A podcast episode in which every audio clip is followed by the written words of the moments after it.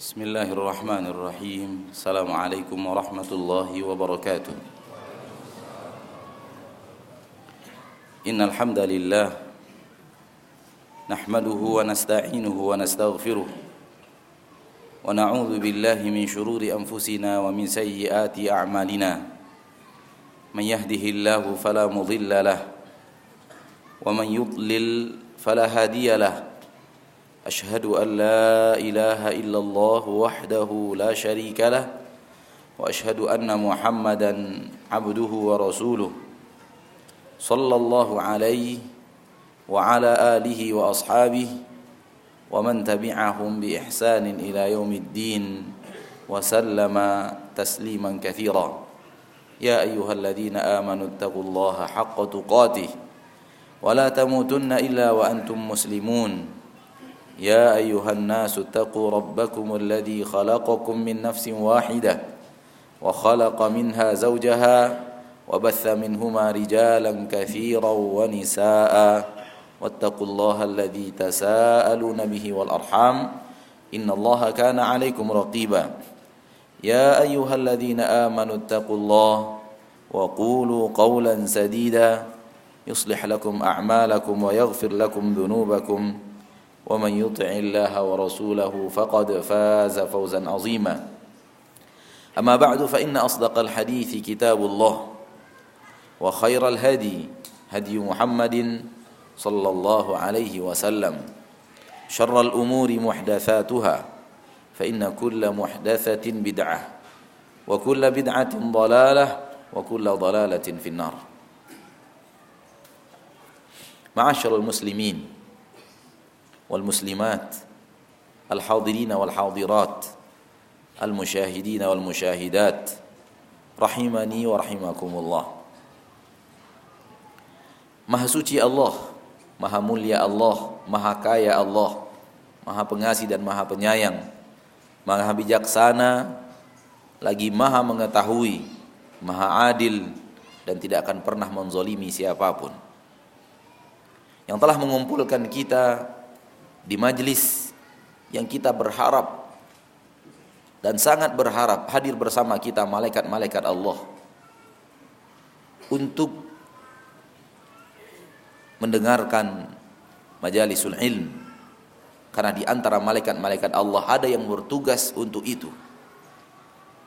Kalau seandainya mereka menemukan sebuah majlis yang di dalamnya dibahas ilmu agama, ilmu din, tanadau mereka saling memanggil untuk datang sehingga mereka mengerumuni majlis tersebut. Itu yang dikatakan oleh Nabi sallallahu alaihi wasallam wa humul malaikah. Malaikat mengelilingi mereka. Dan senikmat-nikmat teman duduk Allah malaikat. Senikmat-nikmat teman duduk adalah malaikat. Senikmat-nikmat teman bermajlis adalah malaikat. Namun sering kali orang yang hadir pengajian tidak menghadirkan di hatinya kehadiran malaikat. Namun kalau kita bisa merasakan dengan hati, karena Rasul tidak mungkin berdusta.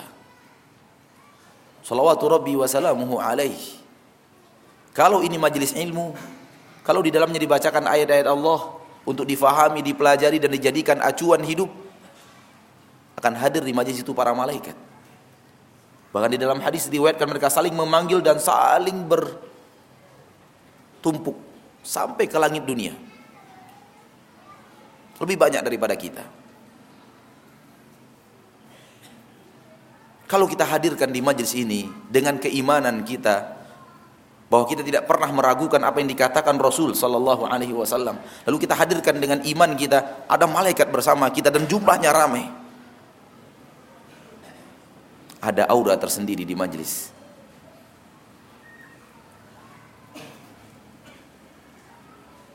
Yang akan membuat kita menjaga adab-adab kita di majlis.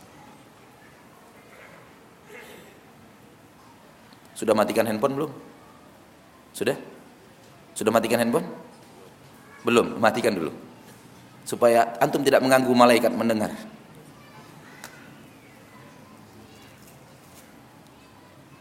Minimal silent.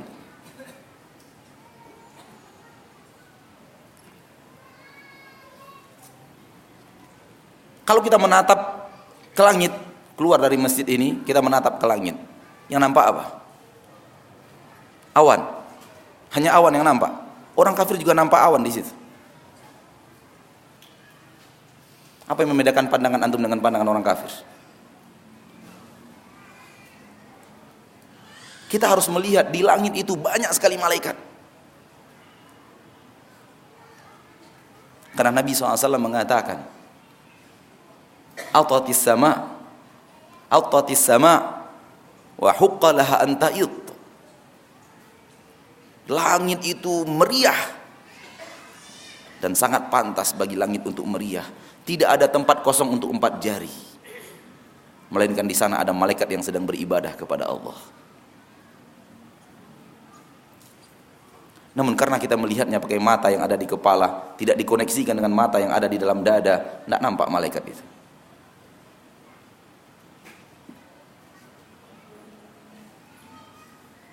Ini ilmu tingkat tinggi. Yang belum paham jangan coba-coba masuk.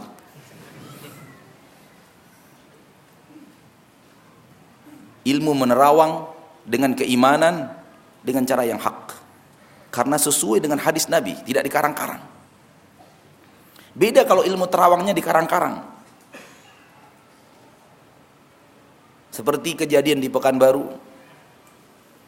Setelah dia menerawang katanya tadi malam hadir Nyiroro Kidul di sini setelah diterawang hadir rohnya Imam Syafi'i bahkan hadir rohnya Rasulullah sallallahu alaihi wasallam. Ini ilmu penerawangan yang bersumber dari syaitan. Saking yakinnya mereka roh Nabi datang mereka berdiri. Lalu mengatakan marhaban, marhaban, marhaba. Selamat datang, selamat datang. Tidak ada dalilnya. Nabi akan mendatangi mereka. Roh Rasulullah SAW akan mendatangi mereka. Namun malaikat di langit itu ada dalil.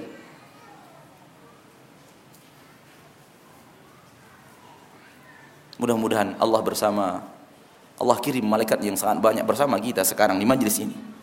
Dan kita hadirkan kebersamaan malaikat bersama kita. Malaikat selalu bersama orang-orang yang beriman menguatkan hati mereka. Dan mengatakan kepada mereka, jangan kalian bersedih. Jangan kalian takut, jangan, jangan kalian bersedih. Jadi kalau ada kegembiraan di hati seorang mukmin, bagian daripada efek kabar gembira dari malaikat.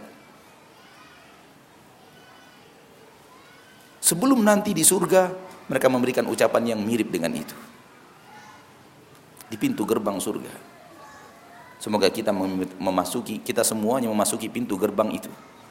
Tanpa singgah di neraka. Amin. Ya Rabbal Alamin. Salawat dan salam kepada Nabi kita tercinta. Rasul kita yang mulia Muhammad sallallahu alaihi wasallam. seorang manusia yang berhasil dengan izin Robnya melebihi dunia para malaikat.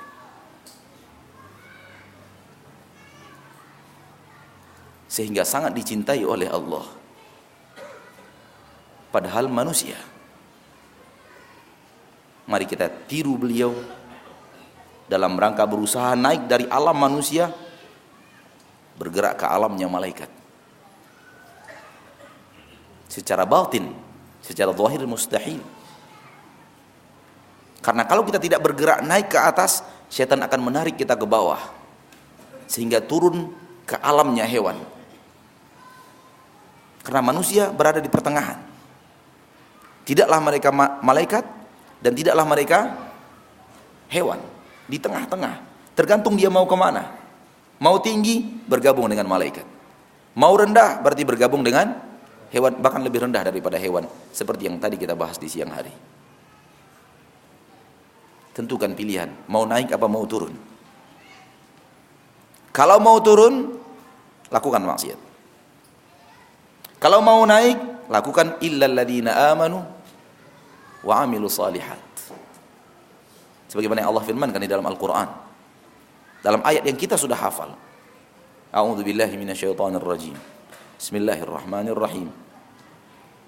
Wat-tini waz-zaitun wa turi sinin wa hadzal baladil amin laqad khalaqnal insana fi ahsani taqwim thumma radadnahu asfala safilin illa kecuali ini ini enggak turun naik. Illa alladziina amanu wa amilus salihat. Orang yang beriman beramal saleh dia tidak turun. Selain mereka turun. Ke derajat hewan. Bahkan lebih parah daripada hewan. Namun kalau orang yang beriman beramal soleh dia derajatnya naik. Bergabung dengan alam malaikat. Untuk beribadah kepada Allah Subhanahu wa Subhanahu wa taala tanpa rasa bosan. Tanpa rasa lelah dianya tidak besan tidak bosan dianya tidak lelah. Yang lelah itu badannya. Yang lelah itu apa? Badannya yang lelah. Dia tidak lelah. Ini juga ilmu tingkat tinggi. Mudah-mudahan antum bisa sampai ke tingkat itu. Dan kita semua bisa sampai ke tingkat itu. Amin ya rabbal alamin. Apa judul kita hari ini lelah dikejar dunia enggak ada ustaz orang dikejar dunia terbalik ya judulnya ya terbalik menurut antum judul terbalik enggak Antum nggak merasa aneh di judul itu? Kayaknya manusia nggak dikejar dunia, Ustaz. Yang ada dunia mengejar, eh, manusia mengejar dunia. Harusnya judulnya adalah lelah mengejar dunia. Betul?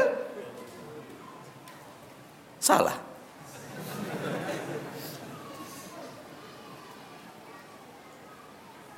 Meletakkan judul itu pakai ilmu tingkat tinggi.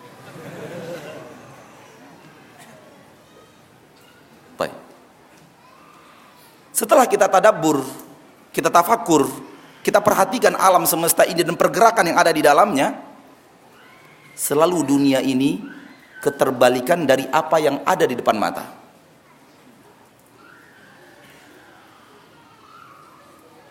Selalu dunia ini sering, tidak semuanya, selalu dunia dan sering dunia ini keterbalikan apa yang ada di depan mata.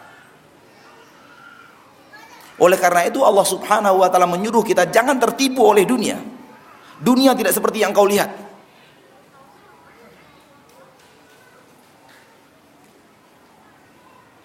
Engkau melihat orang di dalam mobil mewah merasakan kenikmatan. Dunia tidak seperti yang engkau lihat. Mereka penuh penderitaan. Hanya saja mereka tidak curhat kepada engkau. Andai dia curhat apa yang dia rasakan, Anda akan berkata, "Nauzubillah." Kalau harus seperti dia.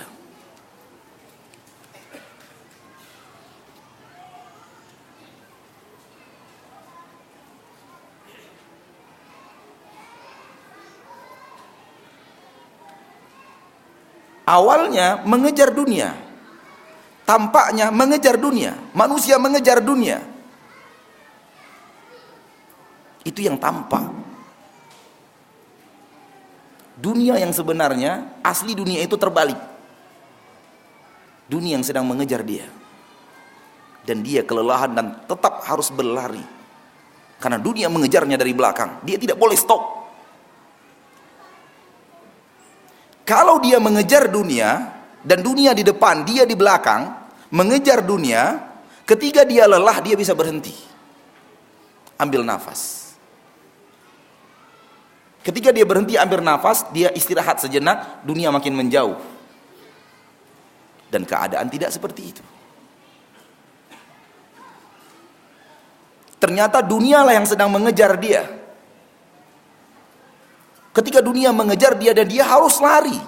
Dia lelah, dia capek tapi harus lari karena dikejar. Kalau dia berhenti hancur.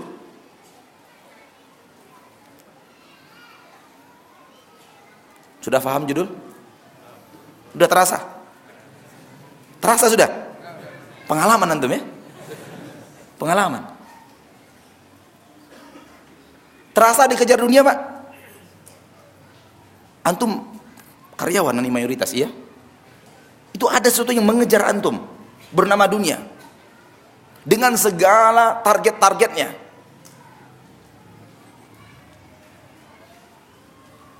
Merasa mengejar atau merasa dikejar? Tolong jawab dengan jujur. Merasa mengejar atau merasa? Dikejar, dikejar kan? Itu dia judul kita lelah dikejar dunia.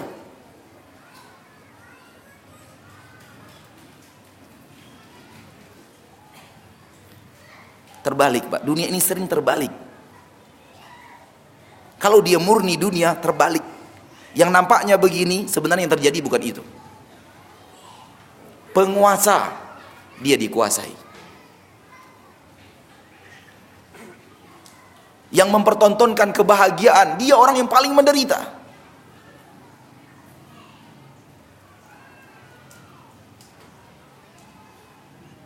Nampak? Nampak keterbalikan? Sebagaimana ketika mereka melihat wanita bercadar, berbaju longgar, berjilbab dalam, apa ini nggak ada asyiknya? Justru yang begitu yang sangat asyik.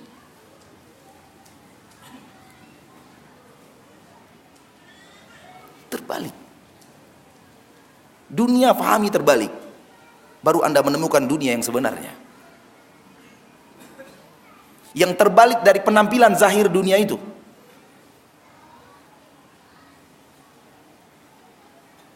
Antum pernah merasakan dunia glamor yang menurut orang asik? Sebagian antum, bukan semuanya, sebagian. Mantan-mantan lah. Senyum, para mantan tersenyum dugem, musik, wanita, kamar, tertawa. Ternyata tidak asyik.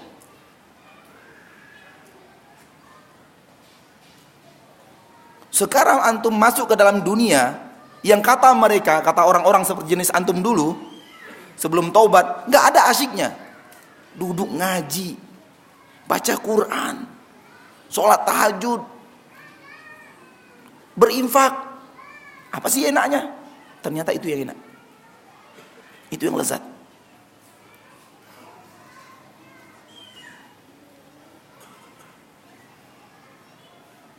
Kalau ketemu pimpinan perusahaan marah-marah, hari ini hari ini di kantor marah-marah, fahamilah, berarti di rumah tadi kena marah.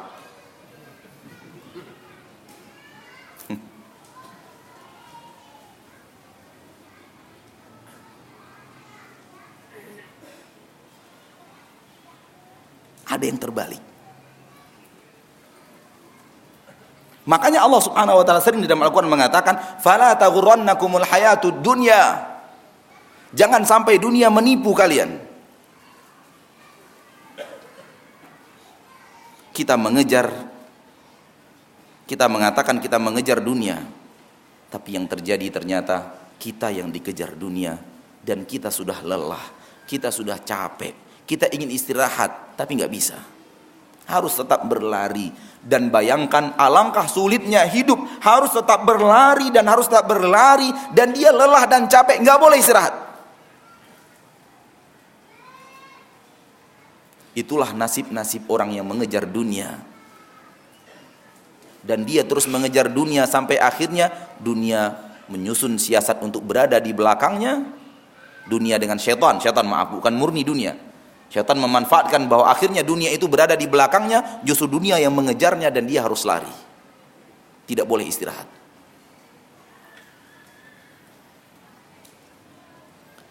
Di dalam Al-Quran, surat At-Taubah ayat yang ke-55. Rabbuna tabaraka wa ta'ala berfirman, A'udzu billahi rajim. Fala tu'jibka amwaluhum wala auladuhum Jangan sampai harta-harta mereka membuat engkau takjub. Jangan sampai anak-anak mereka dan keturunan mereka membuat engkau takjub. Enggak perlu kamu takjub dengan mereka. Innama yuridullahu liyu'adzibahum biha.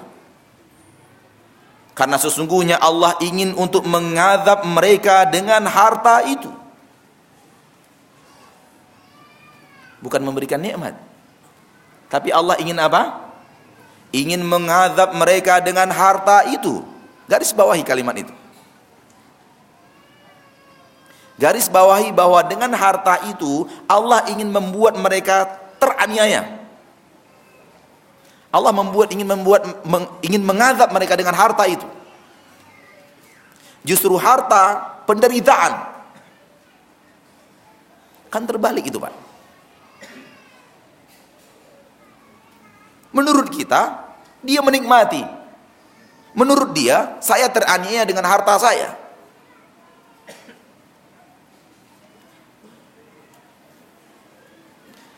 Innama yuridullahu liyu'adzibahum biha fil hayati dunya. Allah ingin mengadab mereka dengan harta-harta mereka itu. Dengan anak-anak dan keturunan mereka itu fil hayati dunya dalam kehidupan dunia ini. Allah ingin azab mereka dengan harta itu di dunia. Sebelum Allah azab dia dengan harta itu di akhirat. Wa tazhaqa anfusuhum wa hum kafirun dan jiwa mereka mati, tewas dalam keadaan kafir kafir. Bapak Ibu yang dimuliakan Allah, hadirin wal hadirat. Hal yang senada dengan ini di dalam surat At-Taubah ayat 85.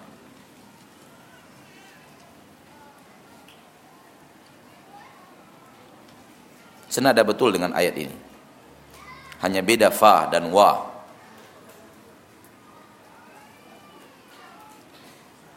Maka kita dilarang takjub kepada harta orang-orang kafir.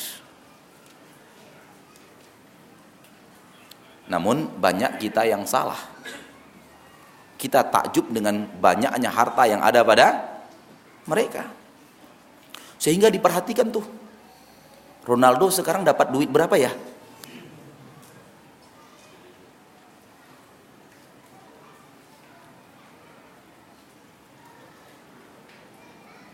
Miliarder Asia Tenggara sekarang siapa ya?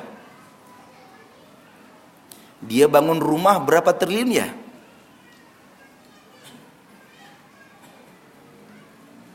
Allah mengatakan fala tu'jibka amwaluhum. Jangan membuat takjub. Harta mereka jangan sampai yang membuat engkau takjub. Namun kita salah. Kita yang saya maksud bukan yang ada di majelis ini tapi manusia secara umum. Ketika anak mengatakan kita, artinya bukan kita yang ada di majelis ini. Kalau ada di antara kita yang ada di masing-masing seperti itu, taubat cepat.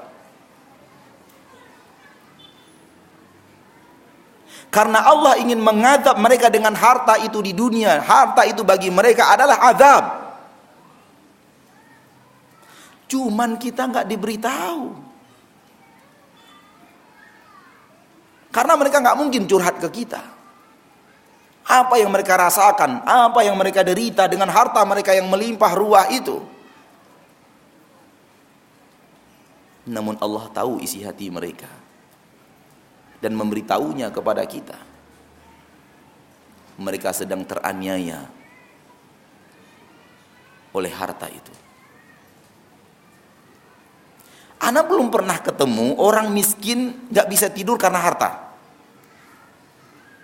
Sampai sekarang belum pernah ketemu. Antum pernah ketemu? Gara-gara memikirkan harta nggak bisa tidur gitu. Bisa? Pernah ketemu? Pernah ketemu? Alhamdulillah belum pernah ketemu. Semuanya belum pernah ketemu kan? Tapi orang kaya nggak bisa tidur itu banyak. Banyak pak. Termasuk orang kaya-kaya muslim. Nggak bisa tidur. Tidakkah kita melihat ini sebagai bukti nyata bahwa ternyata orang kaya teraniaya dengan hartanya? Dan tidak ada orang miskin yang teraniaya dengan harta. Gak bisa tidur. Dan cukuplah itu sebagai adab yang parah di dunia. Kalau sudah tidak bisa tidur. Jam 11 belum tidur, jam 12 belum tidur, jam 1 belum tidur. Padahal dia sudah setting kamarnya itu, itu lebih megah, lebih hebat daripada kamar yang ada di hotel-hotel berbintang 5. Tapi nggak bisa tidur. Sudah baca buku, nonton TV, segala macam, nggak juga. Akhirnya jam setengah dua diambil mobil, jalan-jalan mudah-mudahan pulang jalan-jalan capek bisa tidur. Dia heran melihat tukang ngojek ngorok di trotoar. Tukang ngojek lagi tidur asik. Dia lihatin, nikmat sekali hidup kamu. Tuh. Tukang ngojek di trotoar bisa ngorok.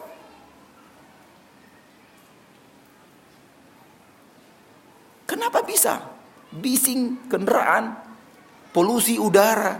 Kok dia bisa tidur ya? Akhirnya pulang. Minum obat apa? Obat apa?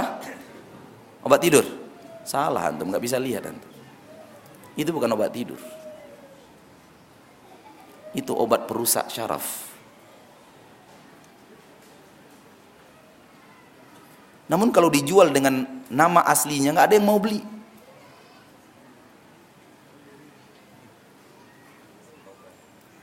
Akhirnya dijual dengan nama samaran, obat tidur.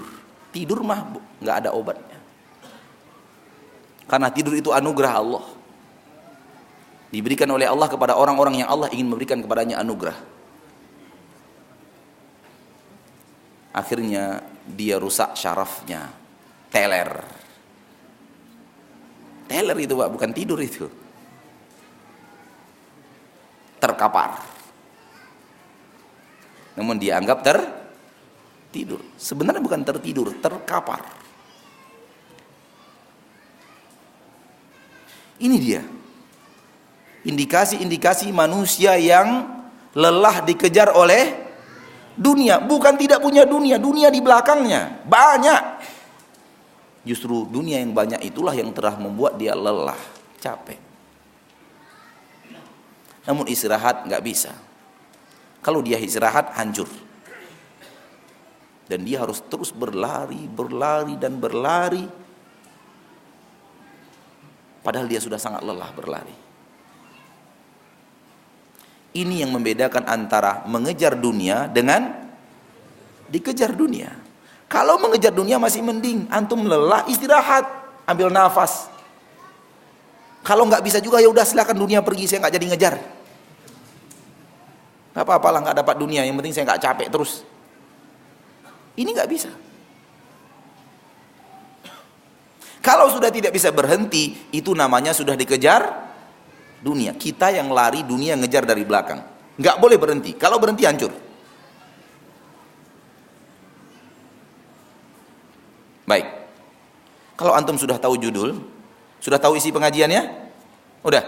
Udah tutup lagi. Belum. Baik. Allah turunkan harta kepada manusia agar kemudian harta itu dijadikan sarana beribadah.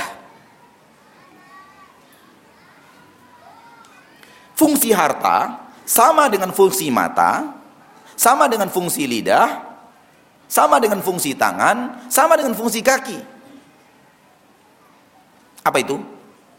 Jadikan dia sarana untuk beribadah kepada Allah Subhanahu wa taala. Di dalam surah Al-Qasas ayat 77. Wabtaghi fima ataka Allahul daral ad-daral akhirah wabtaghi fima ataka Allahu daral akhirata wala tansa nasibaka minat minat dunia. Raihlah kejarlah dengan apa-apa yang telah Allah berikan kepadamu.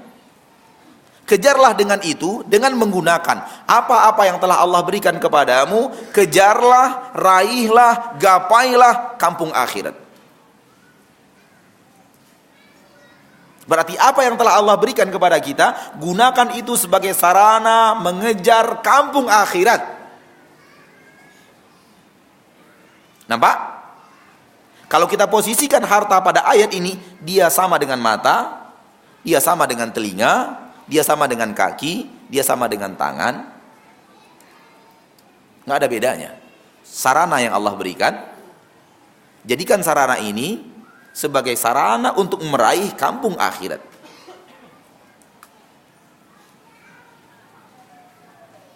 Dan kampung akhirat dikejar bukan semata-mata dengan harta, masih banyak yang lain. Itu hanya secuil kecil dari sebagian sarana dunia yang Allah berikan kepada kita. Yang lain lebih banyak, yang lebih besar daripada itu. Sadar tidak sadar, lidah ini nggak mau kita jual dengan harga 500 miliar.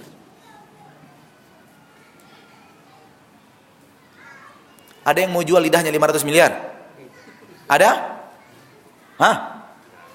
Berarti harta itu dibanding lidah? Tolong jawab. Berarti harta itu dibanding lidah? Nggak ada apa-apanya. Dan tidak ada orang yang mau menjual kedua bola matanya dengan harga satu triliun. Nih satu triliun. Kamu cari duit kan? Cari duit. Nih satu triliun. Sini dua bola mata. Mau dipasang di, di, di botak di, di, di, di, di mata anak saya yang sudah buta. Mau jual? Mau tidak? Mau pun nggak ada yang mau beli.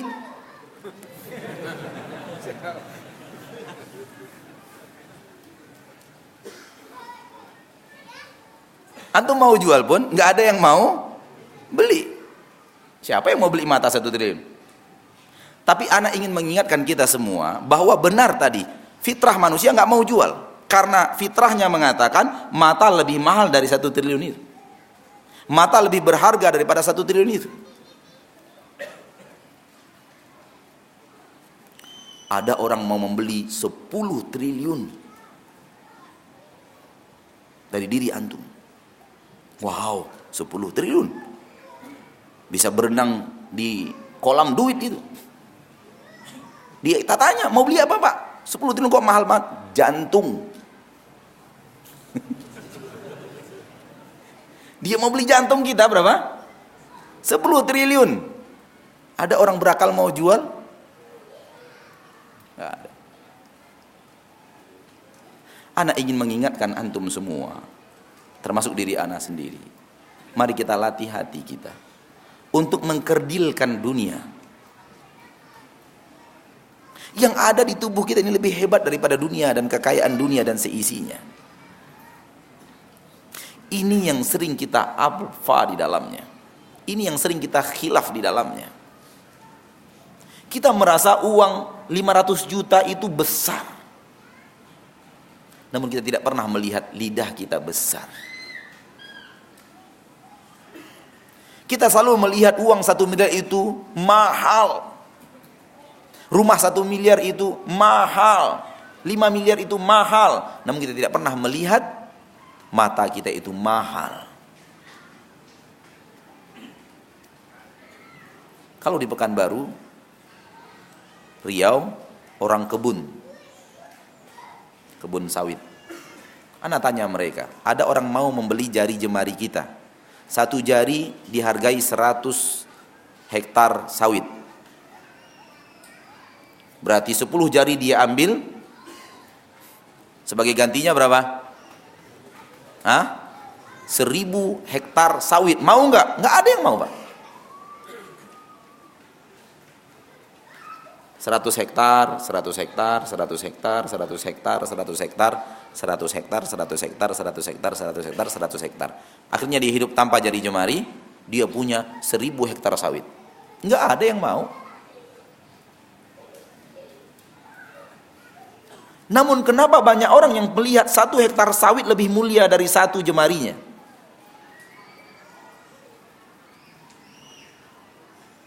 Allah menyuruh kita mengkerdilkan dunia, kita besarkan dunia, itulah salah kita.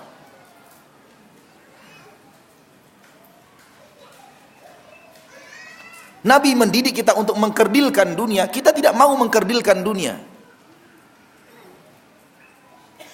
Nabi melewati seekor bangkai kambing, bangkai kambing, cacat lagi. Kambing cacat mati. Gitu. Pegang telinganya oleh Nabi. Siapa yang mau membeli ini dari saya satu dirham? Ada yang mau sahabat. Kata Nabi, dunia di sisi Allah lebih hina daripada ini di sisi kalian. Apa ini yang diinginkan Nabi SAW untuk kita ambil pelajaran berharga daripada hadis ini? Dunia tidak lebih berharga daripada bangkai kambing.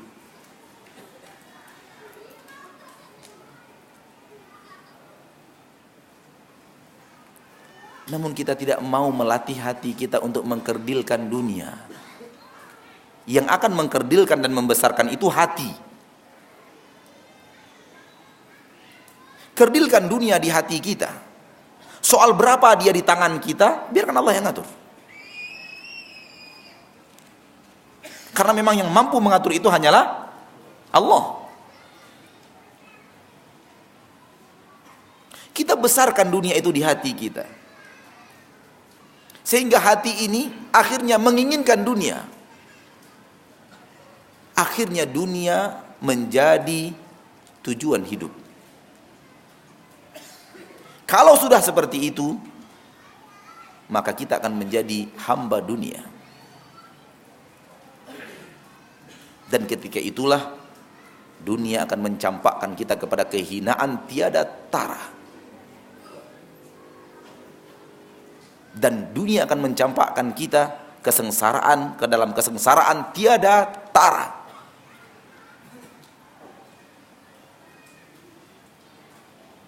Betapa banyak orang yang menjual surganya untuk dunia. Betapa banyak orang menjual kehormatannya untuk dunia. Betapa banyak orang yang menjadikan anaknya tumbal demi dunia. Dan itu yang membuat mereka sengsara.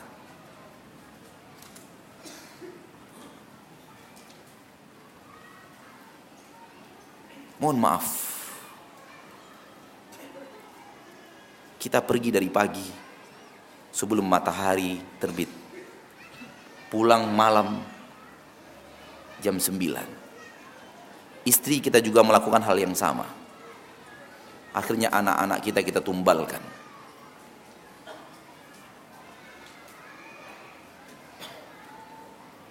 Enggak Ustadz, ada yang jagain dia. Perhatikan saja besok di kemudian hari. Kalau begini kita melakukan kehidupan dunia ini, kemudian anak kita tidak urus, tidak ada waktu dengan anak-anak untuk mendidiknya, kita sama saja yang menumbalkan anak-anak. Biarlah kalian jadi korban. Padahal kita di dalam hati dipengaruhi syaitan, kamu berbuat ini untuk anak. Salah. Kita telah menumbalkan anak.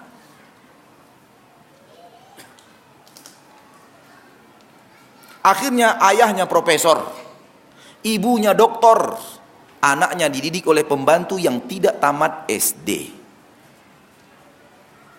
Jadi tumbal apa bukan? Jadi tumbal apa bukan?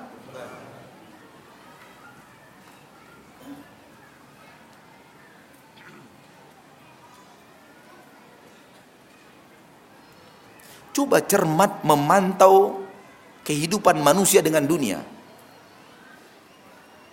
Karena mengejar, karena mengejar, karena mengejar. Ternyata salah, dikejar. Mau berhenti nggak bisa lagi. Saya mau berhenti Ustadz, nggak bisa. nggak bisa stop. Usia pensiun 54 tahun, 56 tahun. Baru bisa stop di 56 tahun. Saya nggak tahu, saya hanya menyebut angka entah benar atau tidak. Benar 56 tahun? Oh benar, Alhamdulillah. Kebetulan itu. Sudah lelah Ustadz. Sudah lelah Pak. Nggak boleh. Kita sudah transaksi di awal. Pensiun di usia 56 tahun.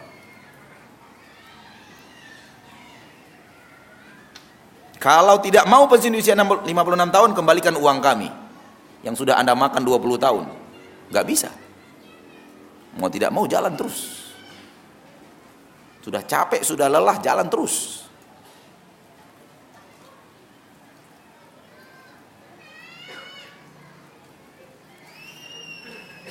Wabtaghi fima ataka Allahu daral akhirah. Dengan apa-apa yang telah Allah berikan kepadamu, raih kampung akhirat. Jadikan dia sarana untuk meraih kampung akhirat. Termasuklah di antara itu adalah harta. Karena bahasan kita adalah harta, dunia, dunia di sini adalah harta. Maksudnya adalah harta. Karena dunia bagi orang soleh bukan harta. Dunia bagi orang soleh adalah ketaatan. Karena setiap gerik-gerik dunianya untuk ibadah.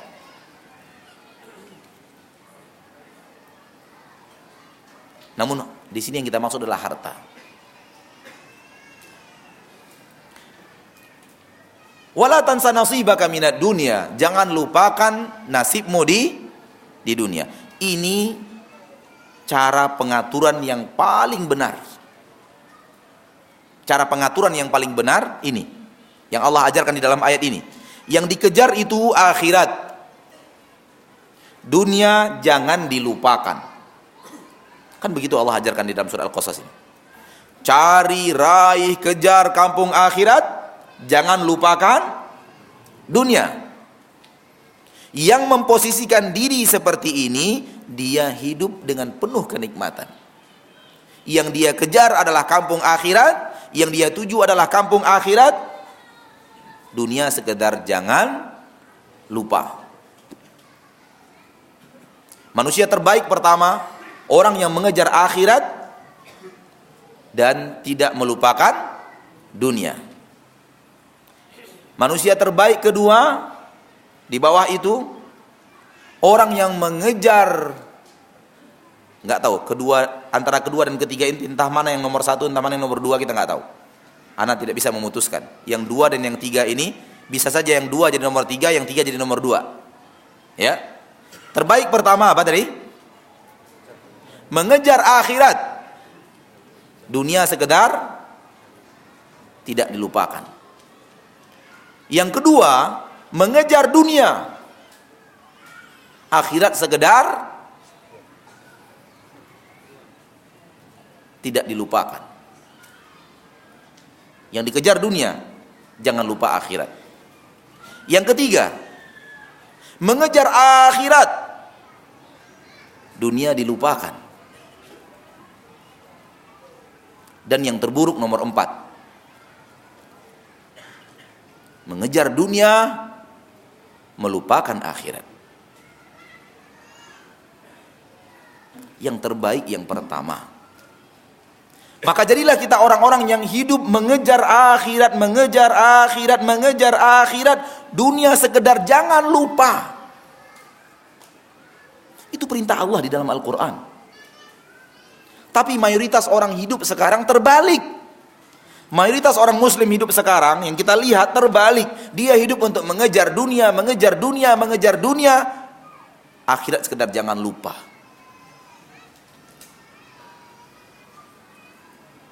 dikejar terus dunia tapi dia tidak lupa sholat zuhur akhirnya dia sholat zuhur jam 2 lewat 15 sekedar jangan lupa dia mengejar dunia. Akhirnya dia sholat isya. Sekedar jangan lupa. Sholat isyanya pas mau tidur jam 11 malam. Sekedar jangan lupa aja. Dan itu di zaman kita sudah dianggap orang soleh. Karena orang yang tidak pernah absen sholat lima waktu.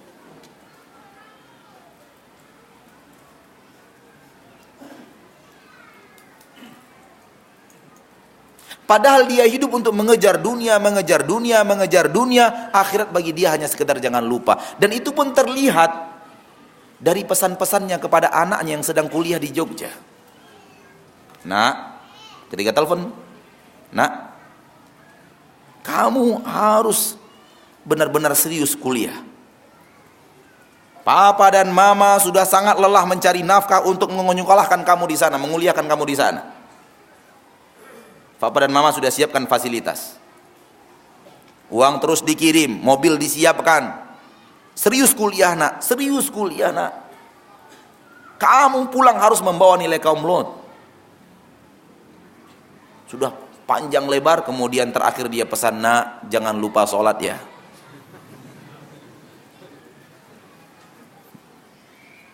di belakang baru kemudian dia katakan ke anaknya nak jangan lupa sholat. Ini kebalik. Yang sebenarnya harus dibalik pak. Nak kamu ke Jogja memang untuk kuliah. Tapi kamu adalah hamba Allah. Kamu harus Sholat lima waktu. Kalau anaknya laki-laki harus di masjid. Mobil Vios yang papa belikan itu harus diparkir di masjid lima kali sehari dan semalam. Kok tersenyum?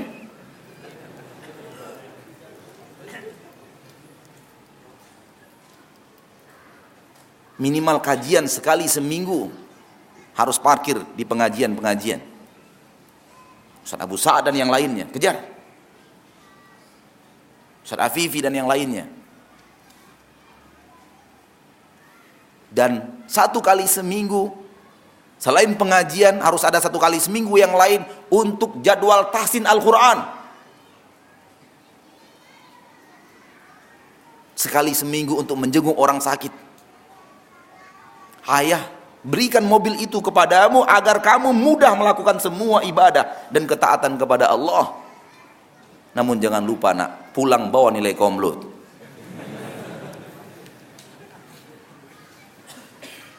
Kan akhirnya pulang anak-anak komplot semua kan? Ya baik yang pertama atau yang kedua? Sama. Akhirnya anaknya kuliah kedokteran, begitu pulang pak, kalah anak pesantren hafalan Qur'annya, bacaannya, makharijul hurufnya. Anak pesantren kalah. Kalau dia pulang menjadi imam di masjid dekat rumahnya di Pekanbaru, orang mengira anak pesantren pulang. Padahal anak kedokteran UGM.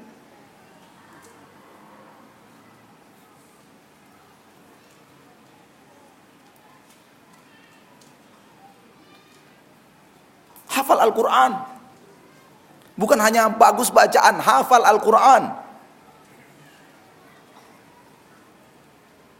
Ini anak-anak yang sudah bisa mengejar akhirat, kuliah, sekedar jangan lupa. Kuliahnya jalan terus. Tak ada yang menghalangi. Namun kuliah selesai di kuliah. Pulang kuliah, target dan tujuan utama dia laksanakan. Menghafal Al-Quran, membasugusan bacaan, menimba, menimba ilmu agama dan bisa membaca kitab-kitab gundul para ulama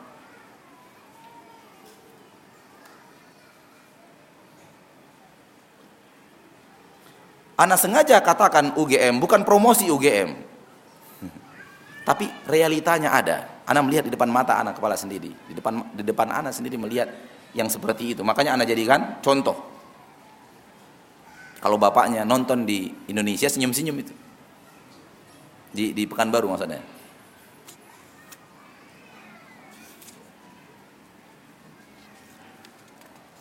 Allah menyuruh kita mengkerdilkan dunia di hati kita. Namun kita tidak mau mengkerdilkannya. Kita besarkan, kita besarkan, kita besarkan, kita besarkan. Padahal dia tidak besar. Kalau antum suatu hari sedang berdiri di depan sebuah rumah, yang luas rumah itu 30 kali 45 dua lantai halamannya luas 10 mobil mewah nongkrong di depan halaman itu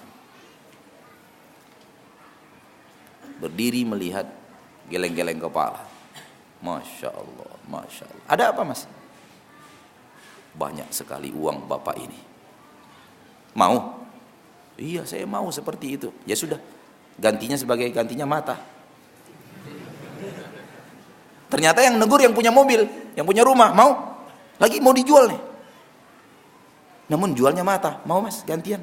Silakan ambil rumah saya, mobil saya. Saya butuh dua mata untuk anak saya. Gak mau dia. Mata yang digunakan untuk menatap rumah itu jauh lebih mahal daripada rumah itu. Mata yang digunakan untuk menatap 10 mobil mewah itu lebih mulia daripada mobil mewah itu. Lalu kenapa kita terbalik menatapnya? Kita memandang yang kecil itu besar, kita memandang yang besar ini kecil.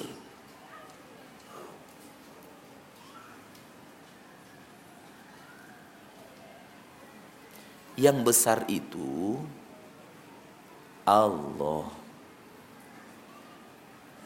Kita setiap hari dididik oleh Allah untuk membesarkan Allah.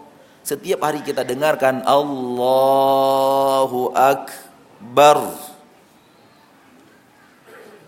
Setiap hari kita ucapkan itu. Itu yang besar. Itu yang maha besar. Allah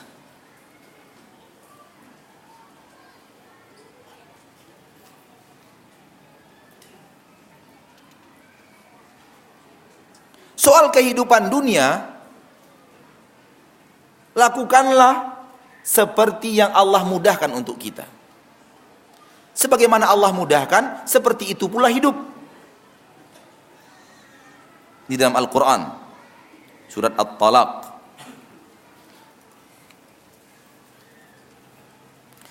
liyunfiq dhu sa'atin min sa'atih wa man qudira alaihi rizquhu falyunfiq mimma ataahu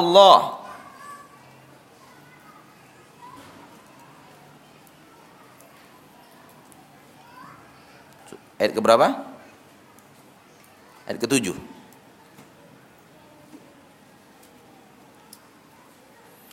Liyunfiq dhu sa'atin min sa'atih. Hendaklah orang yang memiliki kelapangan kelapangan harta, kelapangan dunia, berinfak, memberikan nafkah kepada keluarganya sesuai dengan kelapangan yang Allah berikan kepadanya. Wa man qudira alaihi rizquh Barang siapa yang orang rezekinya disempitkan oleh Allah, tidak dilapangkan oleh Allah. Rezekinya disempitkan oleh Allah. Falyunfiq mimma atahu Allah. Hendaklah dia berinfak, memberikan nafkah sesuai dengan apa yang Allah berikan kepadanya. Kalau lapang rezeki kita, lapangkan juga rezeki kepada keluarga kita. Kalau sempit rezeki kita, sesempit itu pula itulah kemampuan kita untuk menafkahi keluarga kita. La yukallifullahu nafsan illa ma ataha. Allah tidak akan bebankan jiwa mana pun kecuali sesuai dengan kadar yang telah Allah berikan kepada mereka dan bersabarlah. Saya ja'alullahu ba'da usri yusra. Kalau kalian bersabar, Allah akan menjadikan setelah kesulitan ini akan ada kelapangan, kemudahan. Tapi syaratnya sabar dulu dengan dengan kesempitan dan berusaha untuk keluar dari jeratan kesempitan dengan usaha yang maksimal dengan tawakal yang kuat, ikhtiar yang bagus dan doa yang terus bermunajat di dalam munajat-munajat kepada Allah. Sabar sejenak dengan cara seperti ini Allah pasti akan lapangkan. Karena Allah berjanji, saya ja'alullahu ba'da usri yusra. Allah akan jadikan setelah kesulitan ini akan ada kelapangan.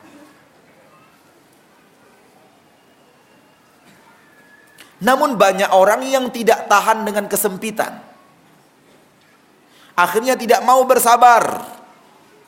Lalu dia buat program yang membuat dia cepat lapang. Padahal belum waktunya dia lapang. Akhirnya perbuatannya membuat hidupnya tambah sempit. Bisa difahami ini? Sangat bisa difahami? Atau sulit? Sulit? Baik, sulit. Anak ambilkan contoh. Sulit dipahami? Dia tidak sabar dengan kehidupannya yang sempit. Akhirnya dia tidak sabar, dia membuat cara untuk segera lapang padahal belum waktunya. Dan melakukan hal-hal yang sebenarnya belum boleh dia lakukan dan tidak boleh dia lakukan. Akhirnya usahanya untuk melapangkan dunianya itu membuat hidupnya bertambah sempit. Bisa dipahami? Bisa. Kita bawakan contoh. Hidup sempit sekarang. Ternyata rumah satu-satunya hanya ini. Dan itu pun tidak besar rumah itu. Hanya 5 kali 12 Kan nggak besar kan? Nggak besar, 5 kali 12. Namun tanahnya lumayan, 350 meter persegi. Lumayan besar. Lumayan. Rumah tidak begitu besar, apalagi rumah itu setengahnya di bawahnya semen, di atasnya papan. Itu pun sudah banyak yang kropos. Rumah dengan harga yang minim, tapi tanah lumayan berharga. Apalagi Cikarang ini. Berapa harga tanah sekarang per meter sih? Di tempat antum ini sekarang ini? Hah? Nggak ada yang tahu? Satu juta. Kalau 350 meter persegi? 350 juta, lumayan. Begitu hidupnya masih sempit, dia ingin segera lapang, walau dengan cara yang tidak diizinkan Allah, dia gadaikan. Supaya cepat datang ke lapangan, dapatlah dia pinjaman gadai dia buatkan usaha. Karena terlalu cepat, belum pandai, kolab. Nggak bisa menutup hutang. Akhirnya rumahnya dan tanahnya kembali diambil oleh yang pinjamkan uang. Tambah sempit.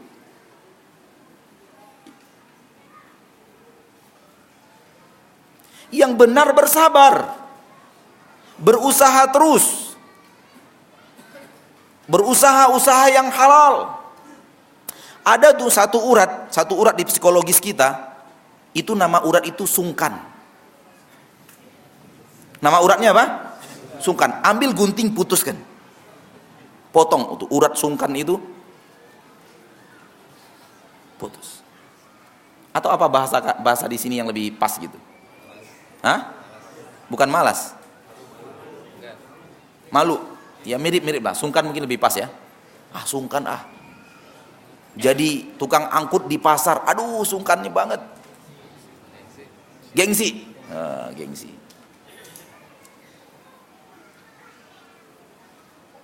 Putuskan urat gengsi itu. Ada urat di psikologis kita bernama apa? Gengsi. Putuskan. Ambil gunting putuskan. Gak bisa dengan gunting biasa dengan gunting rumput. Yang penting bagaimana dia putus. Mau jadi kuli angkut, kuli angkut.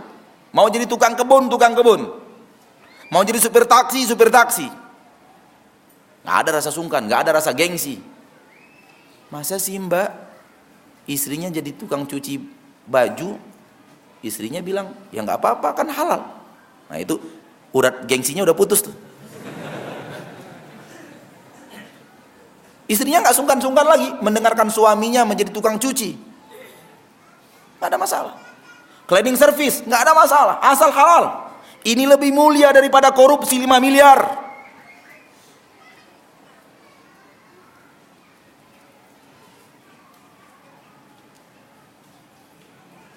Putuskan syaraf sungkan, syaraf gengsi dan berbuat minta kepada Allah. Tampilkan kejujuran dan amanah dalam waktu yang tidak terlalu lama anda akan keluar dari kesempitan itu. Allah berjanji.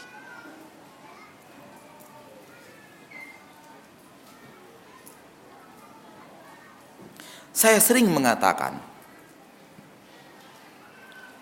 saya sering mengatakan, kalau mau hidup lapang di dunia ini, mau hidup nyaman di dunia ini, hiduplah Anda di level Anda. hiduplah Anda di apa? Di level Anda.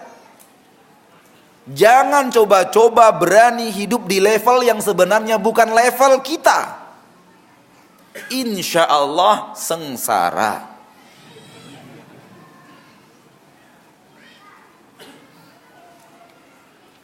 Seandainya Allah berikan kepada kita rezeki baru hidup hidup di level 5, ya hiduplah di level 5. Kendaraannya baru Supra X, ya hidup dengan Supra X.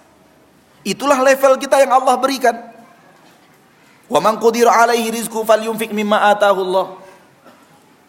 Dan nafkahnya kepada anak dan istrinya sesuai dengan kelas orang yang punya Supra X.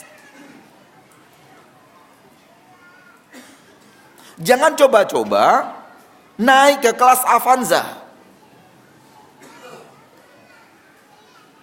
SK digadaikan, beli Avanza. Belum kelasnya Pak, menderita. Akhirnya uang gajian bulanan ditarik oleh Avanza. Uang sekolah anak morat marit. Pinjam sana, pinjam sini, dusta sana, dusta sini. Sebagian orang akhirnya makan di rumahnya disempitkan. Dipres. Hanya untuk Avanza. Itu pun naik Avanza nggak enak, jalan jauh sedikit, waduh bensinnya gimana ini, bensinnya gimana ini. Dapat berita mau naik harga bensin bingung dia. Aduh ya Allah, kok kayaknya pemerintah tidak berpihak ke saya. Salah sendiri. Level Anda baru Supra, hiduplah di Supra. Insya Allah nggak bingung mikirkan bensinnya.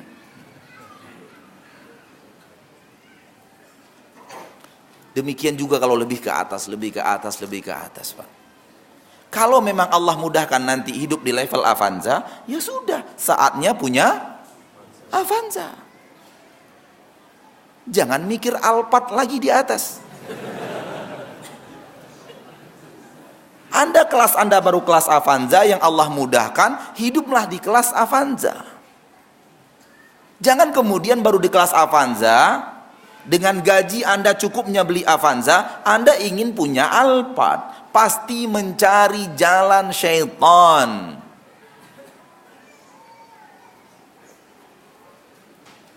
Setelah punya Alphard, menderita. Kenapa? KPK sudah melirik. Kok bisa ya kamu level ini mobil kamu Alphard? Dua lagi. Rumah kamu di Sini posisinya. Kok bisa ya? Hemat-hemat kami, gaji kamu dari awal sampai akhir untuk satu alpar aja nggak cukup. Riksa tuh. Menderita tidak? Menderita. Ini nasib orang yang mengejar dunia dan akhirnya dunia yang mengejar dia. Hiduplah di level kita, ma'asyarul muslimin sesuai dengan yang Allah berikan kepada kita dan ini yang saya sebut sering saya sebut dengan bahasa syariat qanaah. Qanaah itu adalah merasa puas dengan apa yang Allah berikan, merasa apa yang Allah berikan kepada kita sudah cukup. Bahasa sayanya, bahasa anak, hiduplah di level kita. Jangan mencari level yang lebih tinggi. Jangan paksakan dunia ini kita harus seperti itu, jangan. Kalau memang nanti Allah mudahkan, ikhtiar kita Allah berkahi, kemudian usaha kita Allah lapangkan, dan itu berjalan dengan cara yang halal, akhirnya kita bisa naik ke kelas alpat, naik ke kelas alpat tuh, nggak masalah. Antum kira orang di atas alpat itu tidak zuhud? Jangan salah. Zuhud itu bukan di atas alpat atau di atas Corolla. Zuhud itu ada di sini. yang di atas Alphard Senin Kamis puasa antum yang baru Supra nggak pernah puasa-puasa siapa yang zuhud siapa yang zuhud jangan kira zuhud itu artinya tidak ada kemewahan dunia zuhud itu pekerjaan hati bukan pekerjaan anggota badan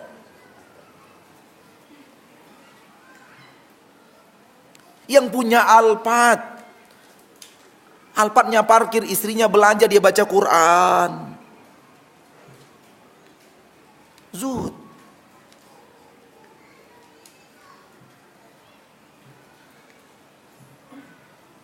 Kalau sudah kelasnya Alphard, Allah mudahkan kelas Alphard, hiduplah di kelas Alphard. Allah tidak Islam tidak pernah bertabrakan dengan kemewahan dunia. Namun Islam bertabrakan dengan kemewahan dunia yang dihasilkan dari jalan yang haram. Namun kalau dari jalan yang halal tidak.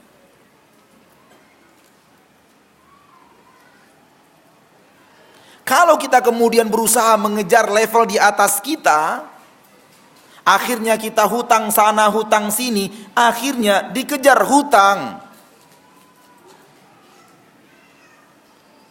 Debt kolektor tiap tiap bulan ke rumah. Inilah nasib orang-orang yang dikejar dunia. Ini bukan mengejar dunia, Pak. Namun dikejar dunia. Di saat tidak ada kesempatan untuk berbenah. Dan dia harus terus berlari, berlari, berlari, berlari. Dunia mengejarnya, tidak boleh berhenti. Saya capek, enggak, jalan terus.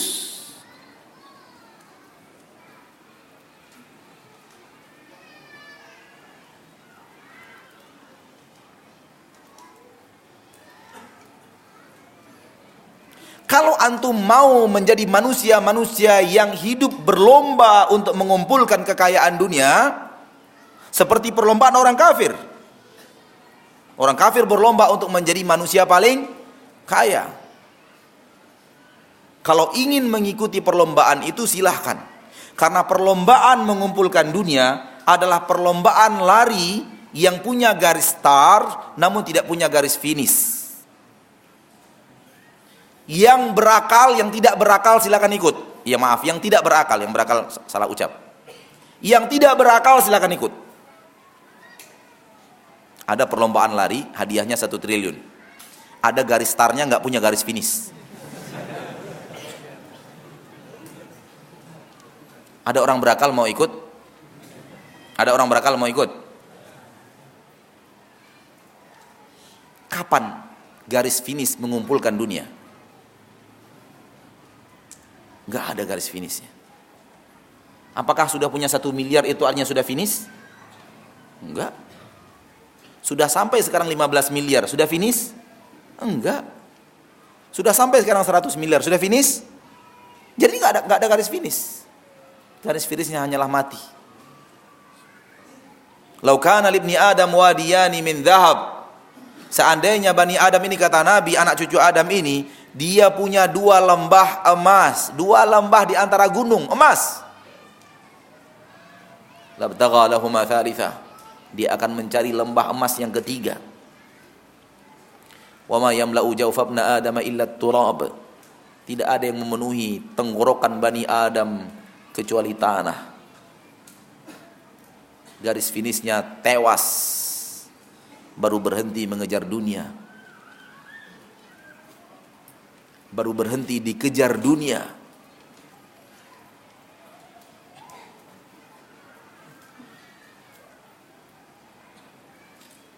Orang yang berakal adalah orang yang menikmati hidup, duduk di pinggiran jalan, baca Al-Quran sambil minum teh, ngelihat orang-orang yang berlomba dunia itu berjalan, berlari di depan matanya. Sambil mengatakan kasihan deh lu.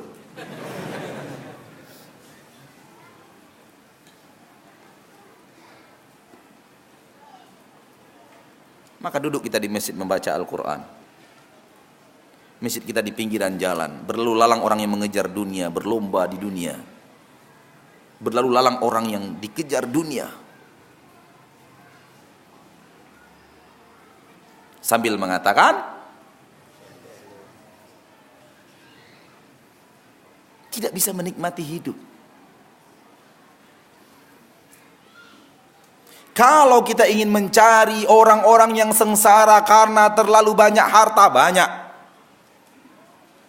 Kalau kita ingin mencari orang-orang yang sengsara karena mengejar tahta dan itu bagian daripada dunia, banyak. Karena dunia semata sering mengundang petaka. Kecuali dunia yang sudah bergabung dengan akhirat para ulama mendidik kita untuk mengatakan pernah nggak kita bertanya kenapa Nabi Yusuf masuk penjara kenapa Nabi Yusuf masuk penjara jawabannya hanya satu karena ganteng dunia yang dimiliki Nabi Yusuf mengundang bencana untuk Nabi Yusuf Apa yang menyebabkan Nabi Yusuf masuk penjara? Tidak lain kecuali ganteng itu. Karena terlalu ganteng, diminati oleh istri-istri pejabat. Karena tidak mau, dipenjarakan.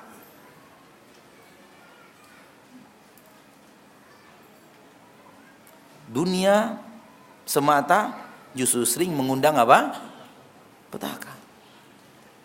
Dan apa yang membuat kemudian Nabi Yusuf menjadi raja? Menjadi orang yang sangat dihormati ilmu. Diangkat dari penjara karena ilmu takwil. Ilmu takbir mimpi. Kemudian disuruh memegang perbendaharaan istana.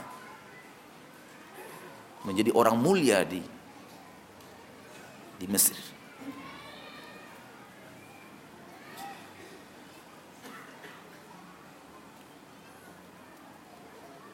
Maka dengan mengejar dunia, akhirnya kata harus hutang sana, hutang sini, akhirnya dikejar hutang. Enggak enak hidup dikejar hutang. Yang enak itu hidup tanpa hutang.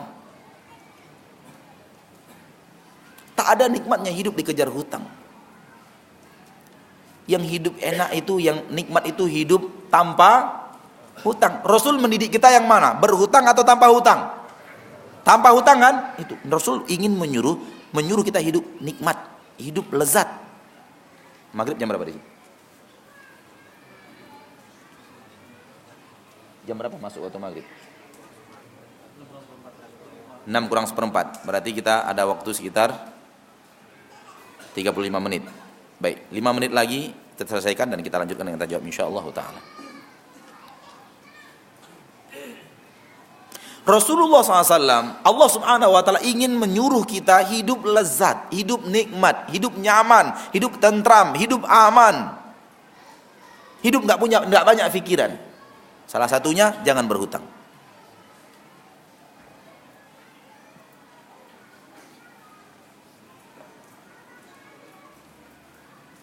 Namun kita salah.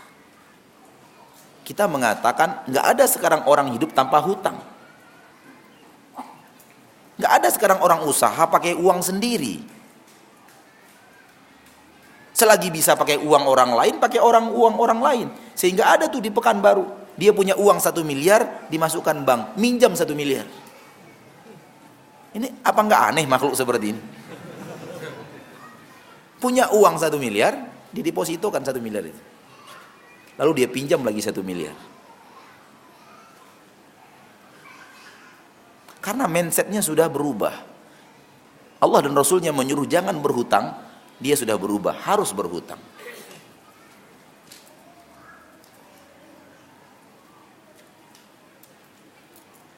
Kalau kita bisnis pakai uang sendiri, dapat untung hari itu 500 ribu, um, semuanya untuk kita. Tapi kalau seandainya pakai uang orang lain, dapat untung 500 ribu, harus nombok 100 ribu. Hari itu dapat untung 500 ribu. Belum ada kita yang dapat. Karena setoran setiap harinya harus 600 ribu.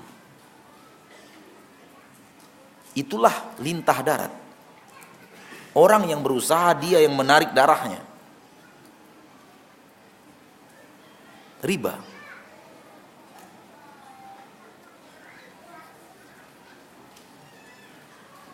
Namun karena pola hidup yang salah tidak mau diatur oleh ayat-ayat Allah, tidak mau diatur oleh Allah dengan ayat-ayatnya, tidak mau diatur oleh Rasulullah dengan hadis-hadisnya, ia sengsara.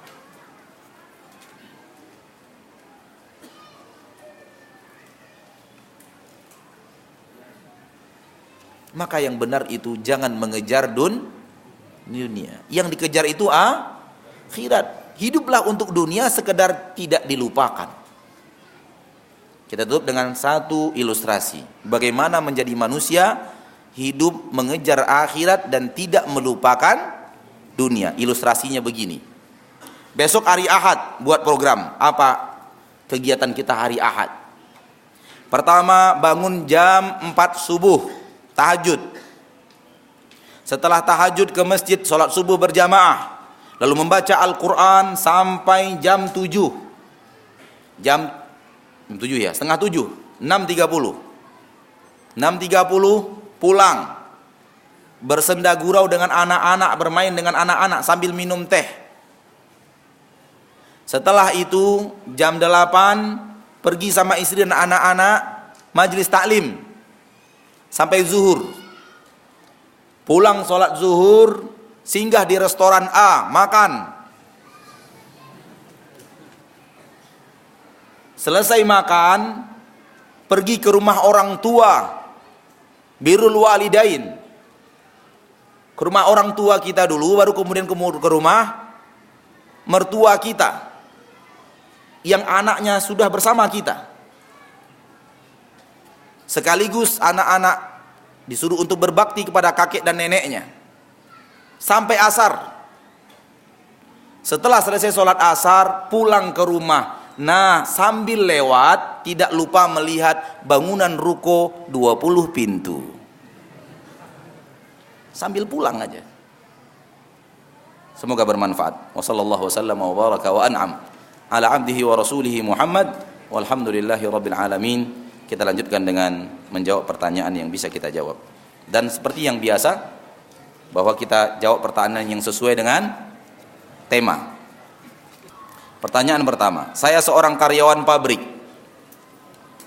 Gaji saya tanpa lembur sudah cukup untuk menafkahi keluarga. Apakah dibenarkan apabila lembur saya tolak dengan alasan tanpa lembur pun insya Allah sudah cukup. Tapi keluarga sering ngeluh.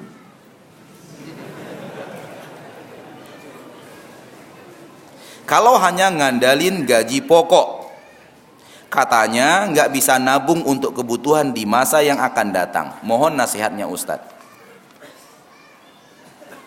Nasihatnya adalah nanti malam setelah anak-anak tidur panggil tuh istri.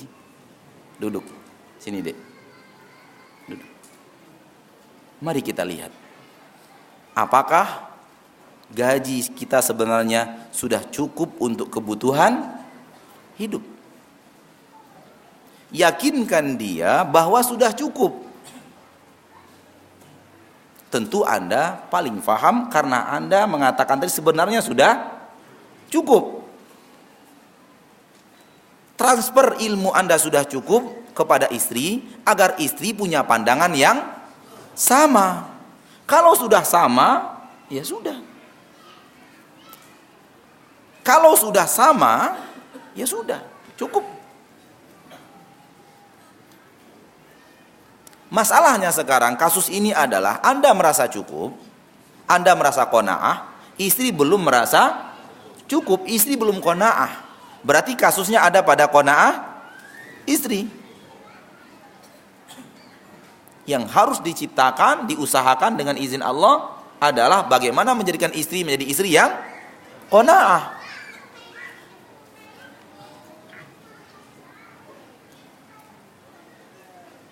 Dek, kan cukup ini dek. Gaji kita cukup. Saya, kamu bisa punya motor metik. Akang bisa punya motor satria. Cukup kan? Cukup. Tuh lihat tetangga kita. Ke mana-mana pakai sepeda. Jadi latih istri untuk memandang kecukupan sebagaimana Anda memandangnya. Karena masalahnya ada di situ. Namun kalau untuk membahagiakan istri, setelah istri berhasil dididik untuk kona'ah, sekali-kali ambillah lembur itu. Kan Islam juga nggak melarang kita ngambil lembur. Emang ada hadisnya ngelarang itu? Gak ada dong. Kalau memang kita merasa kesehatan kita cukup dan itu tidak mengorbankan istirahat kita sekali-kali, tapi kalau lembur terus lembur terus lembur terus memang mesin kita panas. Seperti mesin yang seharusnya sudah istirahat terus dipakai. Sehingga istirahat kurang, mata mulai cekung, kesehatan menurun, daya tahan tubuh menurun, tiap sebentar pilek dan batuk. Itu sudah indikasi mesin kita terlalu panas. Suruh istirahat. Namun karena ngejar dunia, orang nggak nggak peduli. Cukup konidin selesai batuk gitu.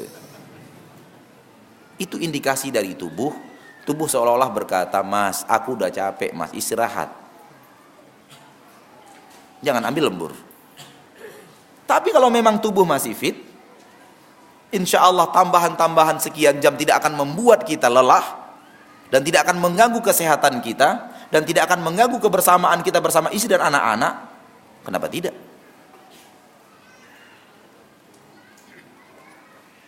Wallahu a'lam.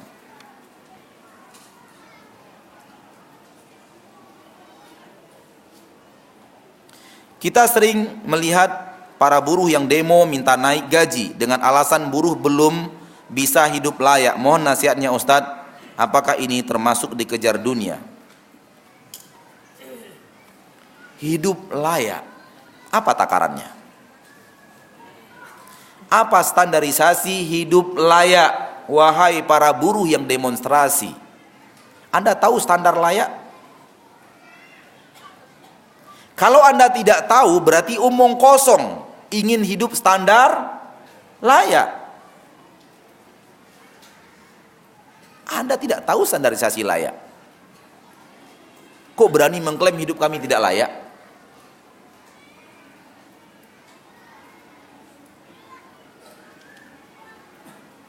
Apa standarnya hidup layak itu?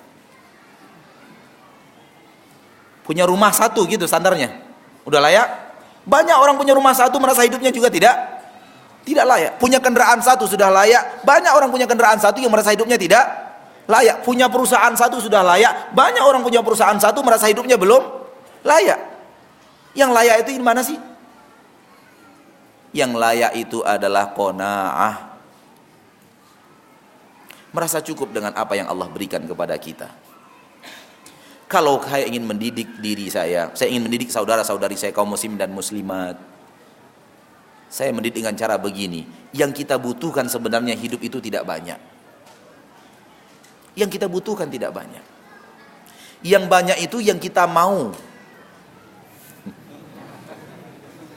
Yang kita butuhkan tidak tidak banyak. Yang banyak itu yang kita mau. Banyak maunya. Bukan banyak butuhnya. Soal butuh berarti untuk kehidupan dunia. Kalau untuk kehidupan dunia, kaya miskin Allah bagi rata. Soal butuh sama. Karena ini kebutuhan manusia dan tidak adil kalau Allah pandang-pandang bulu. Karena ini kebutuhan hidup. Soal kebutuhan hidup Allah bagi rata. Sehingga si kaya dapat seperti si miskin, si miskin dapat seperti si kaya tapi dalam level kebutuhan hidup. Antum butuh nasi berapa piring sehari? Berapa piring? Tiga, kebanyakan pak. Tanya ahli kesehatan, tiga piring sehari kebanyakan. Mana dokter di sini? Ada dokter di sini? Ada ahli herbal di sini? Tiga piring sehari kebanyakan antum hanya butuh satu piring setengah. Satunya di siang hari, setengahnya sebelum maghrib. Untuk mendapatkan kebutuhan hidup satu piring setengah sehari, kaya miskin Allah bagi rata. Betul tidak? Betul tidak? Kalau antum sudah makan tiga piring sehari, antum lebih kaya tuh, sudah kaya itu. Karena kebutuhan antum cuma satu setengah piring. Antum sudah kaya. Saking kayanya dapat tiga, tiga piring. Saking tiga piringnya sakit terus. Pagi makan nasi, ikan asin. Siang nasi lagi, lauk pauk. Malam nasi lagi. Tidur sebelum tidur sate lagi. Saking kayanya sakit. Karena Anda masukkan ke dalam tubuh kadar yang lebih daripada kebutuhan tubuh. Yang lebih itu tidak ada manfaat. Yang lebih itu mudarat. Namun yang makan tiga piring sehari merasa miskin terus. Merasa kebutuhannya tidak tercapai terus, padahal sudah lebih dari kebutuhan. Bisa memahami ini? Sangat mudah? Sangat mudah. Sekaya apa pun dia, dia tidak akan bisa makan sehari seratus piring. Bisa? Nggak bisa, Pak. Sekaya apa pun dia, dia tidak bisa makan sate 20 bungkus. Gak bisa, tetap satu bungkus seperti orang miskin.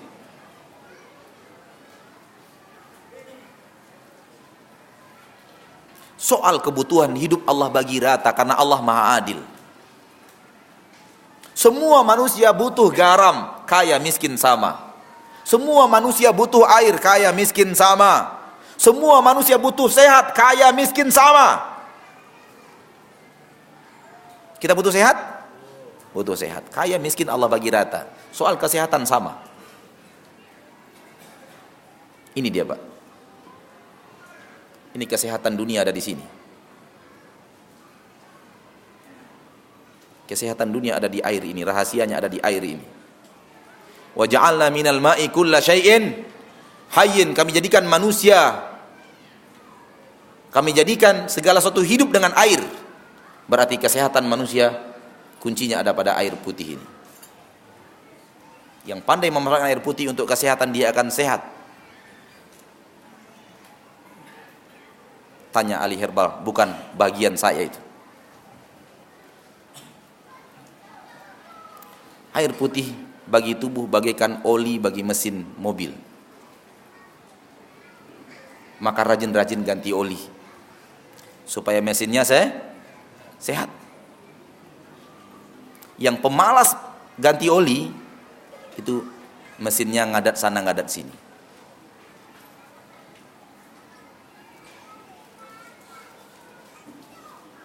Dan ternyata untuk kesehatan Allah bagi rata. Siapa bilang hidup sehat itu mahal?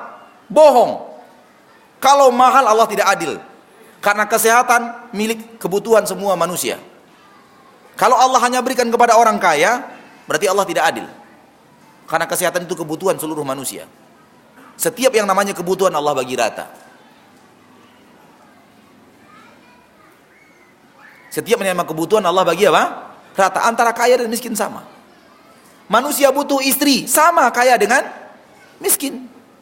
Manusia butuh anak sama si kaya dengan miskin. Manusia butuh pakaian sama si kaya dengan miskin. Satu hari cuma butuh satu lembar pakaian atas satu lembar bagian bawah satu hari butuhnya segitu. Sama orang miskin juga satu lembar satu hari. Nggak akan mungkin dia kaya itu sekali pakai 20 baju. Nggak mungkin. Dia butuhnya satu hari sama satu satu baju. Antum hidup punya baju cuma tujuh lembar. Cukup? Cukup. Sekarang berapa baju antum di rumah? Berapa lembar 25 sudah lebih 18 dari kebutuhan. Kenapa hidup merasa miskin?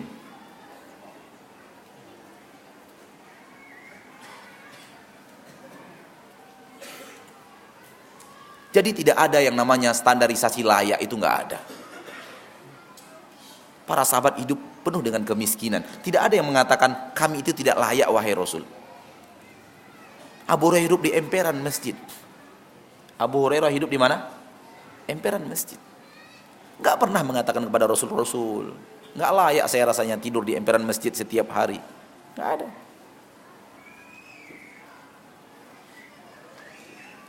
Yang layak itu adalah kona'ah. Seberapa yang Allah berikan, maka kita kona'ah, kita akan mencapai kelayakan. Dan ketahuilah yang kita butuhkan sedikit, yang banyak itu yang kita inginkan. Kalau kita pandai melihat kebutuhan, kita tidak akan pernah mengeluhkan kekurangan. namun kita selalu memperhatikan keinginan, di situlah kita selalu merasa hidup dipenuhi kefakiran. Bisa difahami? Ya. Anda butuh kendaraan, oke, butuh kendaraan. Tapi saya nggak punya kendaraan, tuh bisa angkot. Anda butuh kan? Tuh ada angkot.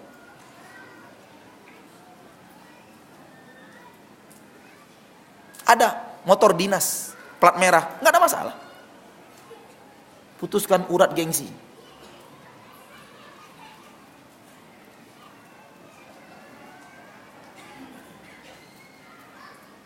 Kalau kita pandai melihat kebutuhan hidup, kita pasti melihat kita punya kebutuhan hidup lengkap. Tanpa kurang. Tapi kalau yang kita pikirkan selalu keinginan untuk memiliki ini dan itu, pada saat itulah kemiskinan selalu ada di depan pelupuk mata. Oleh karena itu Nabi mengatakan jangan pandang ke atas.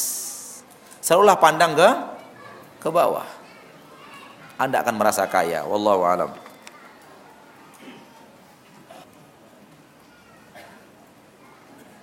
Mohon doanya Ustadz agar istri Ana bisa istiqamah dalam menuntut ilmu agama yang hak. Karena ini kali pertama istri Ana mau ikut kajian sunnah. Masya Allah, tabarakallah. Semoga Allah kuatkan hati kita untuk merasakan kita butuh ilmu. Bimbingan ayat-ayat Allah, bimbingan hadis-hadis Rasulullah Sallallahu Alaihi Wasallam. Kita semuanya, bukan hanya istri antum. Kita butuh istiqomah itu. Termasuk yang berbicara. Tanpa terkecuali. Dan mohon, dan mohon bimbingannya dari ustadz dan akhwat-akhwat yang lebih dulu mengenal sunnah agar bisa merangkul beliau agar tidak merasa minder Masalahnya akhwat nggak tahu yang mana nih. Cara yang terbaik adalah ya berikan seperti ini kajian-kajian insya Allah penuh manfaat.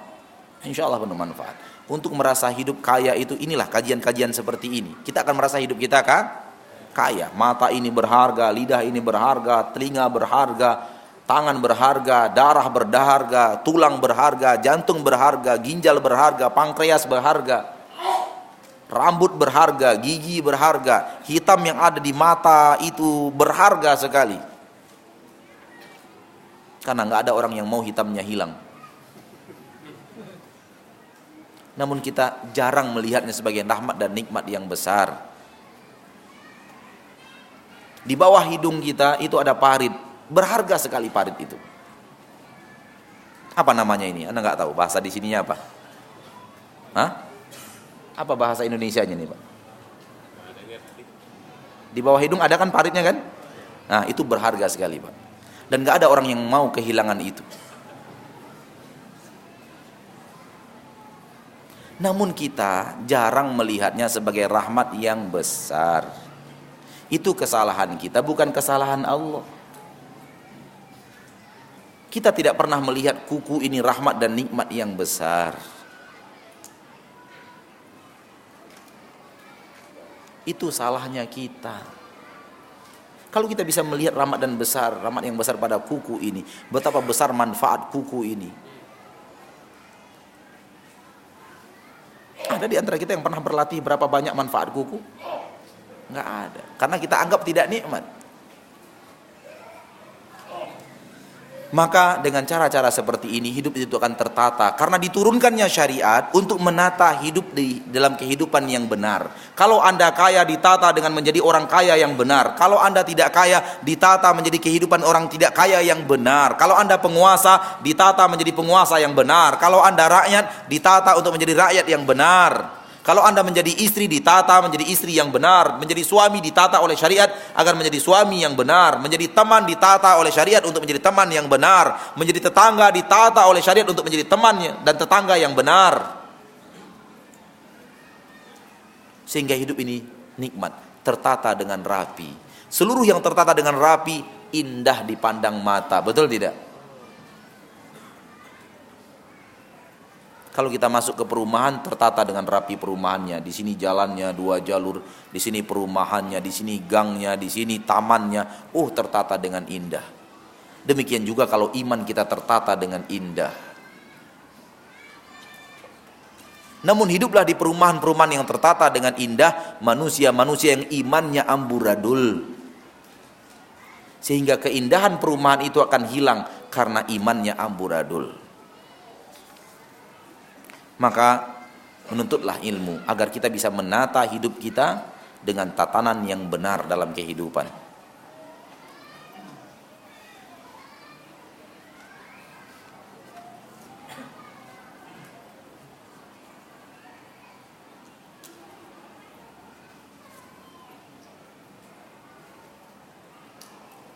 Di tempat ana sedang ada PHK, pemutusan hubungan kerja.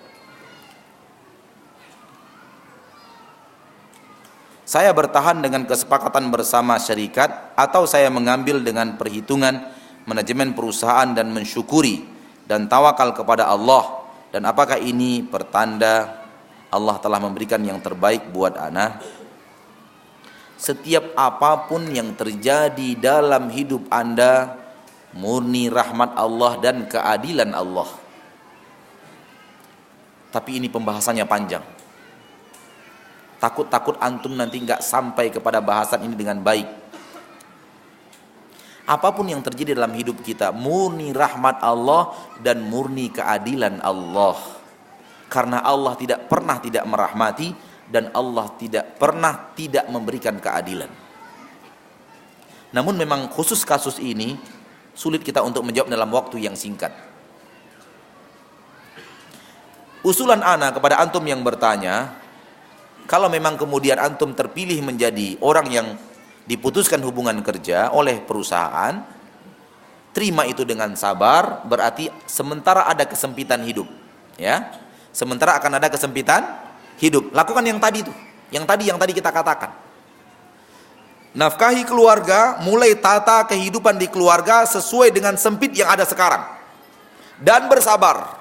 Dan putuskan urat gengsi, putuskan urat sungkan, lalu kemudian bergerak. Berrajin, rajin berdoa, rajin berikhtiar, tunjukkan kejujuran, tunjukkan kerja keras, pantang menyerah. Orang akan percaya mempercayakan sesuatu kepada antum. modal hidup itu kejujuran, bukan uang. Modal hidup itu apa? Kejujuran, bukan uang. Orang yang memandang modal hidup adalah uang salah. Modal hidup adalah kejujuran. Kalau antum bersabar, istri bersabar, lalu kemudian kebiasaan hidup menjadi karyawan, berapa belanja disesuaikan dengan kesempitan. kalau memang anak harus berhenti sekolah SD, berhenti. Kalau memang harus begitu, berhenti. Emang kalau nggak tamat SD berarti nggak bisa cari uang? Hah? Apa ada jaminan? Kalau anak kita tidak tamat SD berarti dia tidak akan pernah bisa cari uang. Ada jaminan? Ada nggak jaminan seperti itu? Tamat SD berarti mahir cari uang. Ada? Enggak kan? Kalau memang kehidupan kita sangat sempit sehingga tidak sanggup membayar uang bulanan anak kita ketika kita jadi karyawan karena uang bulanannya sudah 300 ribu per bulan, ya sudah tarik dari sekolah. Mohon maaf saya tidak sanggup membiayai. Jangan hutang sana hutang sini, antum repot. Didik di rumah, antum punya waktu lapang didik dia untuk menghafal Al-Quran. Tamat teman-temannya SD, anak anda tamat hafalan Al-Quran. Mana yang lebih bermanfaat? tamat anda teman-temannya tamat SMA, dia tamat hafalan Al-Quran dan 5000 hadis Nabi Muhammad sallallahu alaihi wasallam. Mana yang dipakai orang langsung setelah di usia SMA? Yang tamat SMA dan pegang ijazah SMA atau anak anda yang hafal Al-Quran dan hafal 5000 hadis Nabi? Mana yang akan dipakai orang segera? Ayo jawab. Kok bengong gitu? Mana yang akan dapat lahan pekerjaan paling cepat? Yang punya ijazah tapi tidak hafal Quran atau yang tidak punya ijazah tapi hafal Quran dan hafal 5000 hadis? Mana yang akan dapat pekerjaan dalam waktu yang paling cepat? Nomor dua apa nomor satu? Nomor dua. Kenapa anda harus sedih? Anak-anak ditarik dari sekolah SD karena itu tuntutan. Tuntutan kehidupan yang sedang sem sempit. Ada anak anak sahabat tamat SD? Anak sahabat Rasulullah, anak Abu Bakar, anak Umar ada yang tamat SD? Hah? Tolong jawab.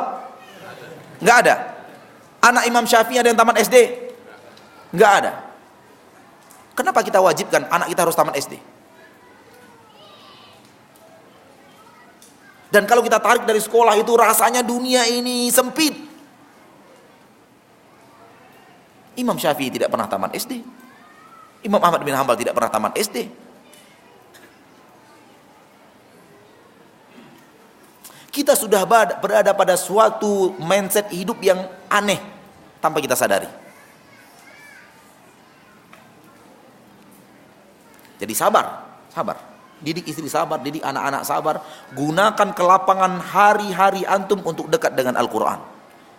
Gunakan kelapangan hari-hari istri antum dan anak antum untuk dekat dengan Al-Quran, dekat dengan hadis Nabi Sallallahu Alaihi Wasallam. Antum bekerja keluar, istri antum menghafalkan Al-Quran untuk anak. Insya Allah untuk mencari satu piring setengah nasi setiap hari masih gampang di Indonesia ini. Masih sangat gampang. Insya Allah kalau anda mau. Di mana-mana orang meletakkan pengumuman, dibutuhkan karyawan karyawati, dibutuhkan karyawan karya. Di mana-mana anda lihat banyak. Itu semua lowongan kerja. Wallahu a'lam.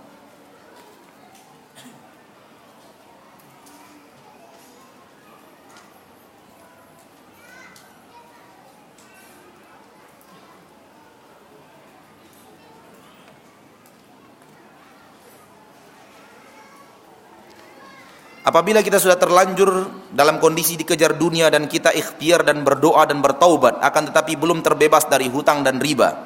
Menurut saya solusinya agar segera terbebas kita harus jual rumah. Tapi belum laku-laku.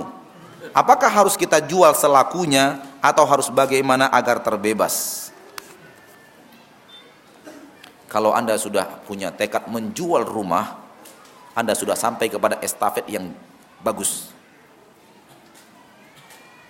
karena lebih baik bebas dari riba walau tidak punya rumah daripada punya rumah namun terikat dengan riba. Anda sudah melangkah ke langkah yang hebat. Yang langkah yang hebat ini banyak orang yang tidak bisa sampai ke titik itu.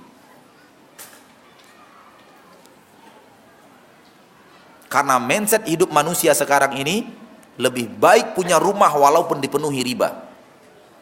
Daripada tidak punya rumah walau tidak punya hutang dan tidak punya rumah.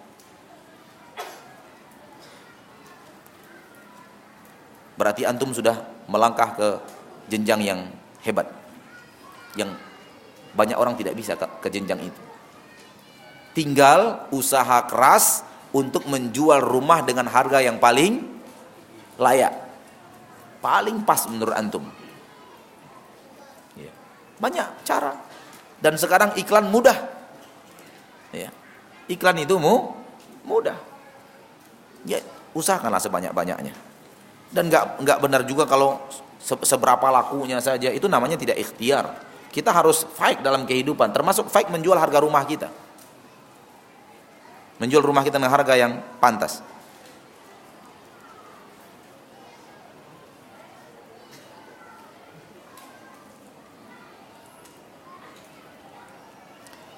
Mohon penjelasan Ustadz hal yang berikut ini. Dunia ini seperti bayangan. Semakin kita kejar dia, dia semakin menjauh. Coba berhenti dan berbaliklah, maka dia yang akan mengejar kita. Kalau tidak salah, itu pernyataan dari Ibnul Qayyim. Kalau sudah dari Ibnul Qayyim, siapa Maududi Abdullah? Kalau sudah dari Ibnul Qayyim, saya ini nggak ada apa-apanya dengan Ibnul Qayyim, Pak. Ya sudahlah, itu Ibnul Qayyim dan memang benar apa yang ia katakan. Benar apa yang ia katakan. Makanya kita tidak disuruh untuk mengejar dunia. Kita disuruh untuk berikhtiar.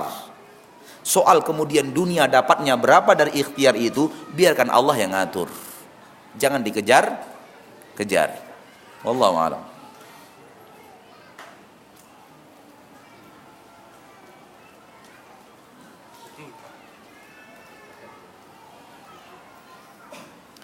Apakah bagian dari mengejar dunia jika mendahulukan membeli rumah daripada menabung haji? Padahal sudah punya rumah tapi pemberian orang tua. Mohon nasihatnya Ustadz. Sudah punya rumah, pemberian orang tua, ada dana, ingin bangun rumah lagi. Ah, yang benar saja antum. Kan sudah punya rumah. Emang tiap malam dua rumah itu dihuni semua? Setengah malam di rumah ini, setengah malam di rumah itu? Kan enggak kan?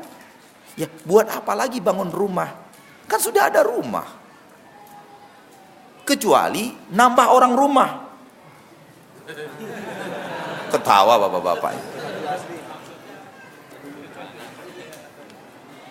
Iya nggak bisa satu rumah. Tapi kalau masalahnya adalah satu rumah sudah cukup, pemberian orang tua, apa sih gengsinya tinggal di rumah pemberian orang tua? Lagi-lagi, putuskan urat gengsi.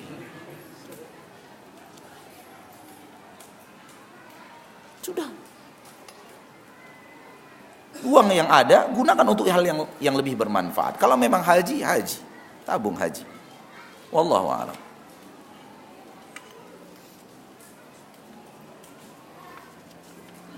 Anda rasa sampai di sini pertemuan kita pada kesempatan yang berbahagia ini. Ingat ma'asyarul muslimin, ma'asyarul muslimat.